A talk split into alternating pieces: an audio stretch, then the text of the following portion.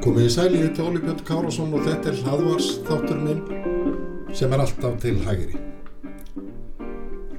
Standi einhverju þeirri trú að pólitíkinn sé alltaf leiðileg og aldrei áhugaverð, þá verði ég að byggja viðkomandi að hugsa sig aðeinsum. Að minnstakosti hefur verið skemmtilegt og áhugavert að fylgjast með samfylkingunni síðustu vikurnar eða allt frá því að Kristrún Frostadóttir bóðaði stefnubreitingu í málefnum hælisleitenda eða var ekki um stefnubreitingu að ræða. Hún sem formaður flokksins steg mjög fast til jarðara minnst í viðtali við Þóran Hjartarsson í hlaðvarstættinum einn pæling. Þar tók hún í raun undir málflutning okkar sjálfstæðismanna um að samræma yrði lögjöf og regluverk um hælislendendur við það sem gerist á Norðurlandum.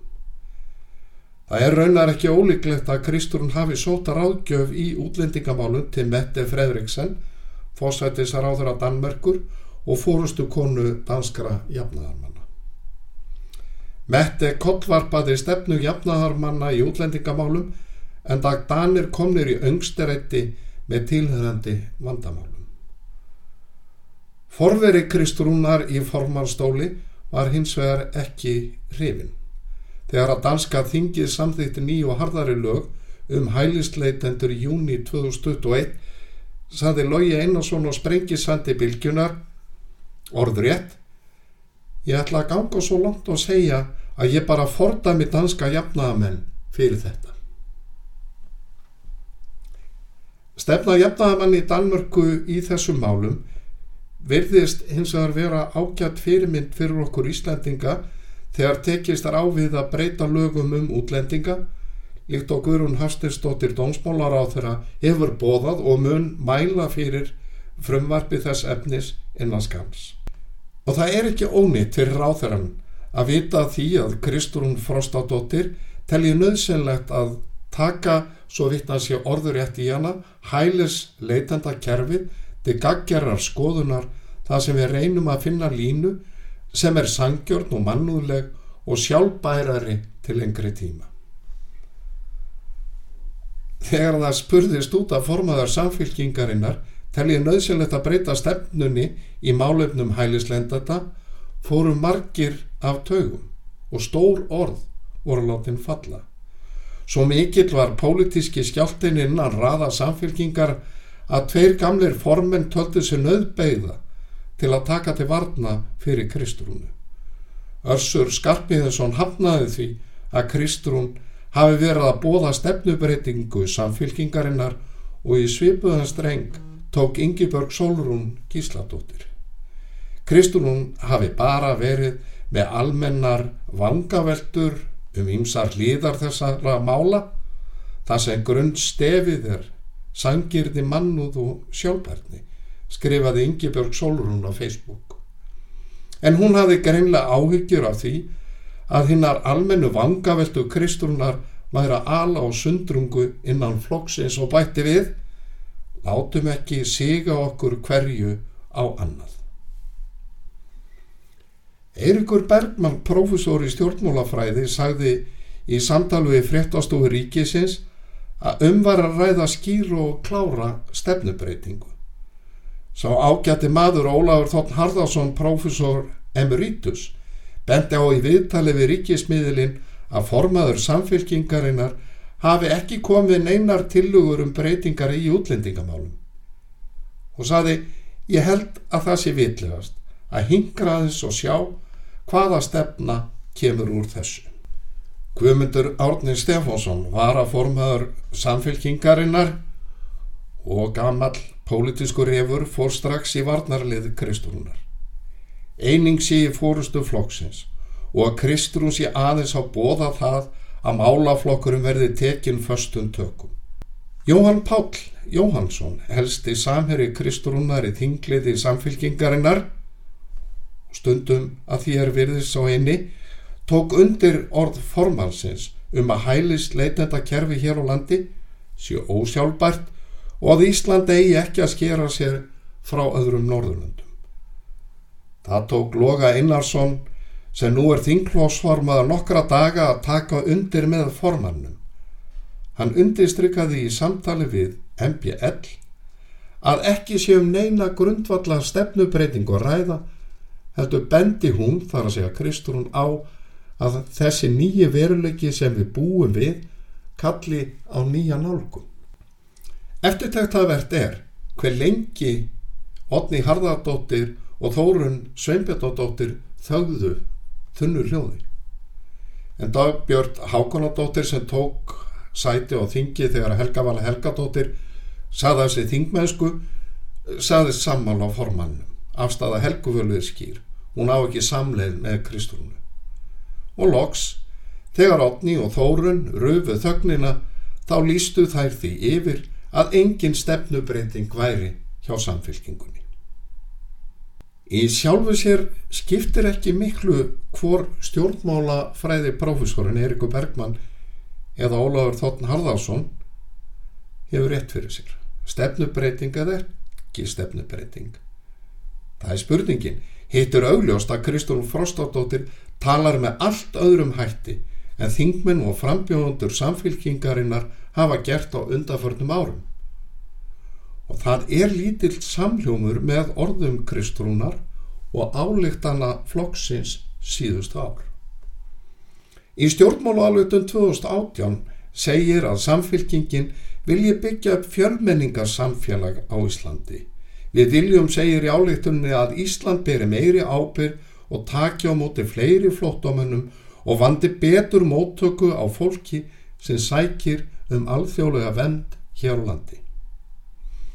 Þessi álugtun tónar vel við grein sem Rannveig Guðmustóttur og Ingabjörg Margreðar Bjarnadóttir frambjóður samfélkingarinnar í söðvestur kjörnami skrifuð á vísi í september 2021 þar sem þær sögðu Samfélkingin vil taka við fleira fólki á flóta. Í yfirlýsingu sem stjórnsamfélkingarinn að sendi frá sér í júli 2019 gaggrinni flokkurinn harlega þær breytingar sem ríkistjórnin hefur kynnt á útlendingalögum og þrengjað réttitum fólks sem sækir hér um skjól og auðvelda jafnveit brottvísanir til landa eins og Greiklands. Í viðleitni við að læja öldurnar sem Kristrún hefur skapað innan flokksins reyna gamalnarendir samfylkingar að kenna sjálfstæðisfloknum um hvernig komið er í málefnum hælisleitenda. Þar eru þeir samstíga, Guðmundur Átni og Össur. Eins og svo aft áður eru þeir félagar og samherjar þeirra saklausir líkt á kvítvóðungar eða þeir telja og reyna að telja fólki trúum það. Baráttan gegn nöðsilegum lagabreitingum sem reyndar hafa verið virðist glemt. Á síðustu árum hafa dómsbólar á þeirrar sem allir hafa verið sjálfstæðismenn ítrekka lagt fram frumvörpum breytingar og útlendingarlögum til að ná betri tökum á málefnum flótafólks, tryggja skilvirkni kervisins og koma í vekk fyrir það molni nýður vegna álags og kostnæðar. En það hefur verið við ramman reip að draga. Í april 2019 var lagt fram frumvarp um breytingar og lögum um útlendinga, ekki náðist að mæla fyrir frumvarpinu. Ári síðar var frumvarpið lagt fram að nýju að mestu óbreytt, mælt var fyrir frumvarpinu og gekk það til nefndar en ekki tókst að afgreða málið úr nefnd. Í mars 2021 var frumvarpið lagt fram í þriðja sinn með breytingum er varðar tiltekin ákvæðum kærunemd útlendingamála og ákvæðum laga um dvalarleifi, auka ákvæða laga um atvinnuréttind útlendinga. Mælt var fyrir málunu, það fór til nefndar en satt þar fast. Í april 2022 var frumvarfi lagt fram í fjórðasinn en í breytri mynd þar sem það náði engungu til breytinga og ákvæðum laga um útlendinga varðandi alþjóðlega vend. Auk þess var lögð til breyting á lauruglulögum sem fólu í sér að verkefni stóðdeldarlið ríkislauruglustjóra yrðu lögbundin en það gegni hún mikilvægu hlutverki við frangvat ákvarðana útlendingastofnunar. En á ný var mælt fyrir frumvarpinu það gegn til nefndar án þess að það yrði afgreitt. Höstið 2022 var frumvarpi lagt fram í fymtarsinn. Það tók sinn tíma. Jón Gunnarsson þá var endi dónsmólar á þeirra mælti fyrir frumvarpun í oktober 2022. Fyrsta umræða tók rúmlega 11 klukkustundir. Máli gekk síðan til nefndar og þar voru gerðar breytingar í viðletni til að auka sátt um frumvarpið. Má í rauninni halda því fram að það hafi verið verulega útþinn og hafi kannski ekki náð fyllilega tilgangi sínum. Önnur umræða tók 91 klukkustund. Þar af atkvaðagreisla þrjá klukkutíma. Máli gekk aftur til nefndar sem er óvanlegt og afgreitt þaðan fljótt. Þriðja umræða stóð í nær tíu klukkustundir og aftur tók atkvaðagreislan um þrjá klukkutíma. Allir þingmenn samfélkingarinnar á samt pýrötum og viðrest greittu atkvæði gegn frumarpinu. Og við atkvæðagreislur fjallu stór orð ekki síst frá þingmönnum samfélkingarinnar. Við skulum vitna í nokkra.